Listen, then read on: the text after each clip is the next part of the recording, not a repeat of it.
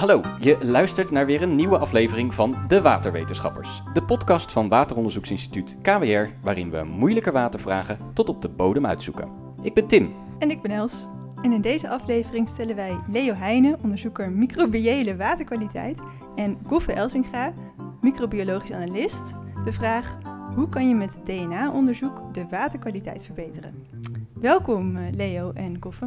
Ja, dankjewel. Hi. Laten we beginnen even met een opfrislesje biologie. Uh, Goffe, wat is DNA ook alweer? Nou, DNA is eigenlijk een molecuul dat alle erfelijke informatie van een organisme bevat. Dus uh, jij hebt blauwe ogen, nou, zo staat dat in het DNA uh, gecodeerd als het ware. Ja, dus eigenlijk de broncode van alles dat leeft. Uh, zo zou je het denk ik kunnen omschrijven, ja. okay. en, en hoe ziet het eruit?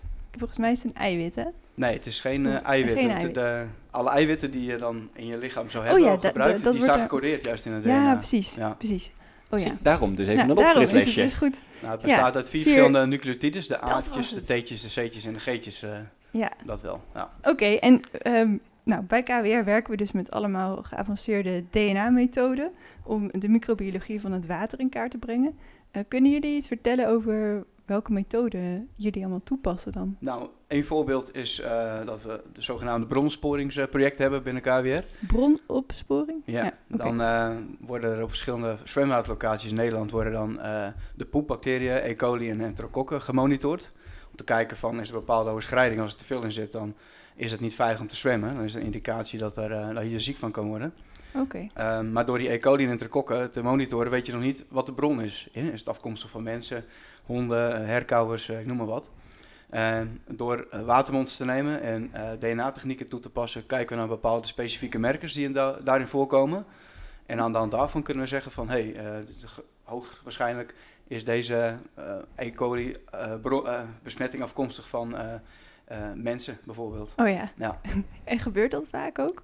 Heb je van afgelopen zomer bijvoorbeeld, heb je enig idee van uh, wat, wat is een veel voorkomende bron van zo'n E. coli besmetting? Is nou, dat toch, vaak wel vaak, toch wel vaak. Uh, mensen tref je vaak wel aan, maar vogels ook vaak. Ja, ja. oh ja. Ja, ja dat die, kan die zwemmen natuurlijk veel in, in oppervlaktewaterlocaties, dus dan ja. ja, die besmetten de boel dan ook. Ja, ja en, het, en het riool is natuurlijk een belangrijke bron van vervuiling voor, voor oppervlaktewater. Oh, ja. En daar zitten natuurlijk heel veel menselijke uh, fecaliën in. Ja, precies, precies. Dus het is niet per se mensen gaan naar een meertje om te zwemmen nee. en die denken, nou, we gaan hier eens even poepen.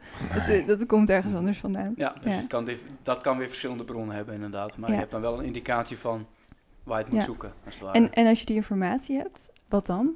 Nou, de, de waterbeheerder kan maatregelen nemen waardoor een strandje bijvoorbeeld minder aantrekkelijk wordt voor vogels om daar te uh, fourageren.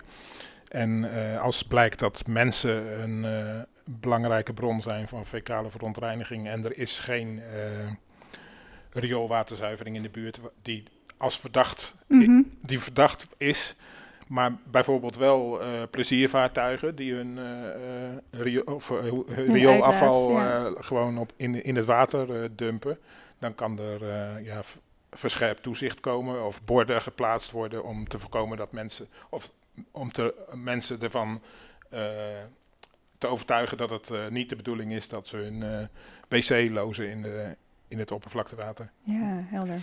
En dit is, dit is dan dus een van de methodes die jullie gebruiken. Heb je misschien voorbeelden van andere, nog andere methodes, andere DNA-methodes? Ja, zeker. Um, zo zijn we de afgelopen twee jaar druk geweest met het corona-onderzoek en het rioolwater. Mm -hmm.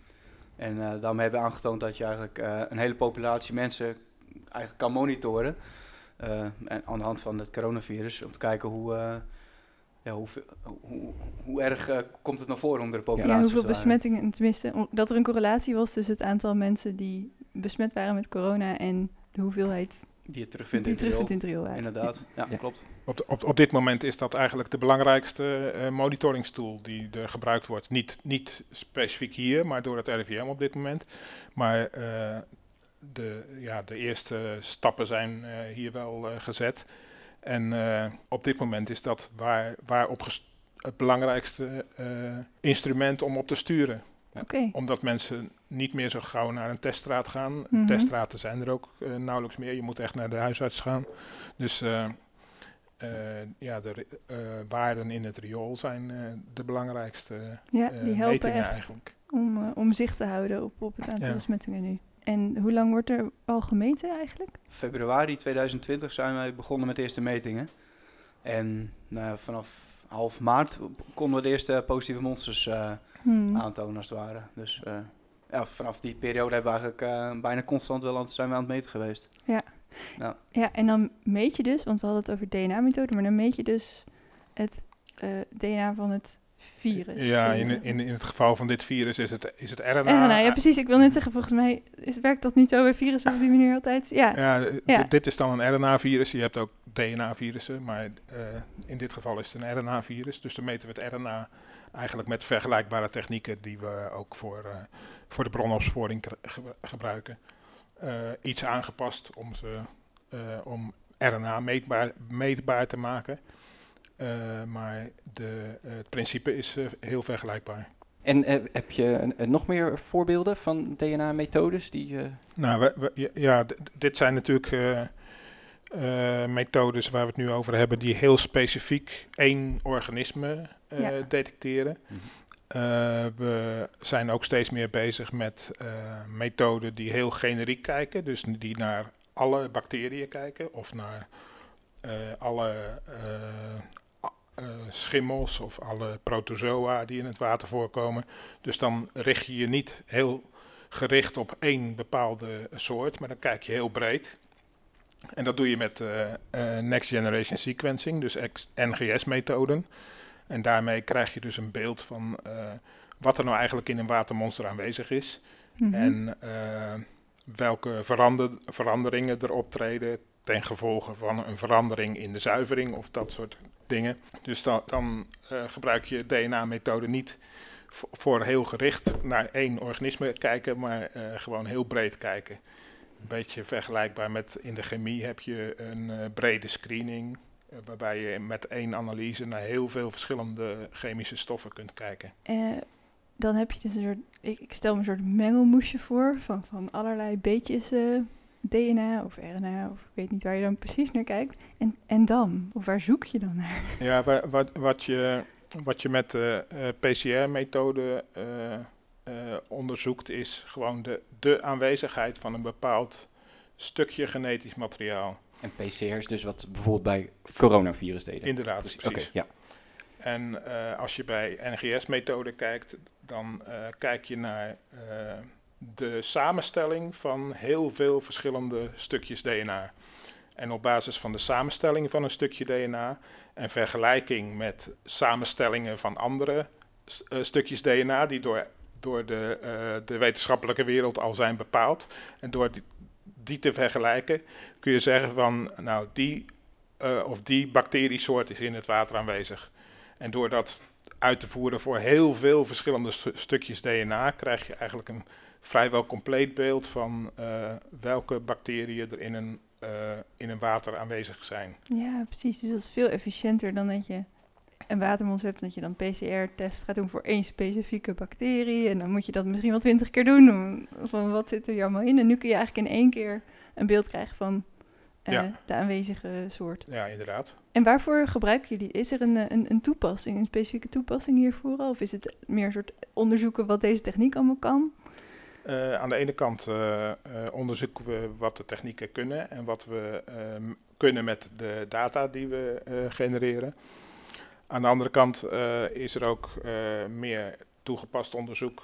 Peer Timmers heeft, heeft daar veel aan gedaan, waarbij hij kijkt naar welke bacteriën in een zandfilter verantwoordelijk zijn voor de afbraak van bepaalde stoffen. En die kennis kun je dan gebruiken om je zandfilter efficiënter te maken om bepaalde stoffen te gaan te laten verwijderen door die door specifiek dat soort bacteriën toe te voegen. Ja, en, en zandfilters worden gebruikt bij het maken van drinkwater. Ja, ja in de, die, die worden in de drinkwaterzuivering uh, toegepast. Ja. ja. Ja, en dus door die zandfilters te, nou ja, te optimaliseren, kan je dus de drinkwaterkwaliteit verder verbeteren, bijvoorbeeld.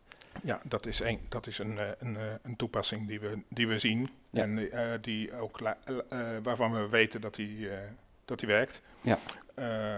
en ja, we staan denk ik een beetje aan het begin van een ontwikkeling. En we zullen steeds meer toepassingen ontdekken en de waarde van bepaalde toepassingen gaan verkennen. Wat ook wel interessant is om te vermelden, is dat we Next Generation Sequencing ook hebben gebruikt binnen het corona-onderzoek bij KWR. Hm. Zo hebben we dat gebruikt om de verschillende varianten te kunnen detecteren. Oh. Oké. En dat dus, lukt ook? Ja, dat lukt uh, zeker, ja. ja. Dus, uh, de opkomst van de Omicron en uh, de opkomst van de Delta en ook de, de, teleur, de. De, de, de, neergang van de, van de Delta-variant, zeg maar, dat hebben we in die monsters allemaal kunnen aantonen, ja. Nou ja, dat is natuurlijk gelijk een goed voorbeeld. Dus in plaats van dat je dus naar één variant ging zoeken, ging je eigenlijk in één keer naar alle varianten zoeken. Precies, je, je, dus je, screent, je screent heel breed in dat opzicht, ja. Is er ook een nadeel aan, aan deze techniek eigenlijk? Hij is niet, uh, niet heel erg kwantitatief. Dus met, zoals met de PCR-methode, waarbij we hebben gekeken naar corona en triol, dan kun je uh, de uh, genetische kopieën, aantal kopieën van die virusdeeltjes kwantificeren als het ware.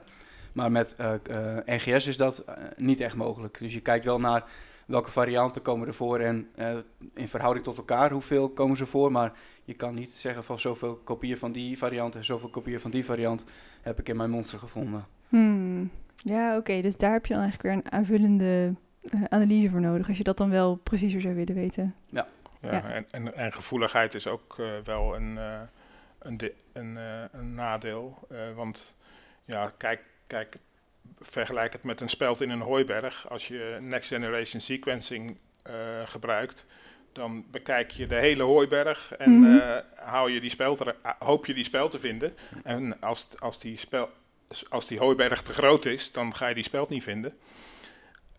En als je met, met PCR-technieken kijkt, dan hou je in één keer de, de speld uit de hooiberg, zeg maar. Ja, precies. Als je naar één heel specifieke ja. bacterie of wat dan ook op zoek bent, dan kun je beter gewoon daar ook specifiek op screenen. Ja, ja. ja. dat is logisch. En een nadeel, of, of, of een, op dit moment een nadeel is wel dat je met next generation sequencing enorme hoeveelheden data krijgt. En uh, daar is heel veel uh, computercapaciteit uh, voor nodig om daar iets uit te destilleren waar we iets mee kunnen en waar we een conclusie aan kunnen verbinden. Ja, dus je moet wel even goed nadenken, is dit uh, de meest zinnige methode om hier toe te passen. Hè? Wat, wat, ga ik dan doen met al die, al die data? Dat je niet jezelf laat uh, verdrinken in, in alle data die je krijgt en niet meer weet wat je ermee moet doen. Nee, en, en, en dat, en dat, dat uh, het leren zwemmen in die data, ja. om niet te verdrinken, dat is ook iets in de, dat is ook een pro proces ja.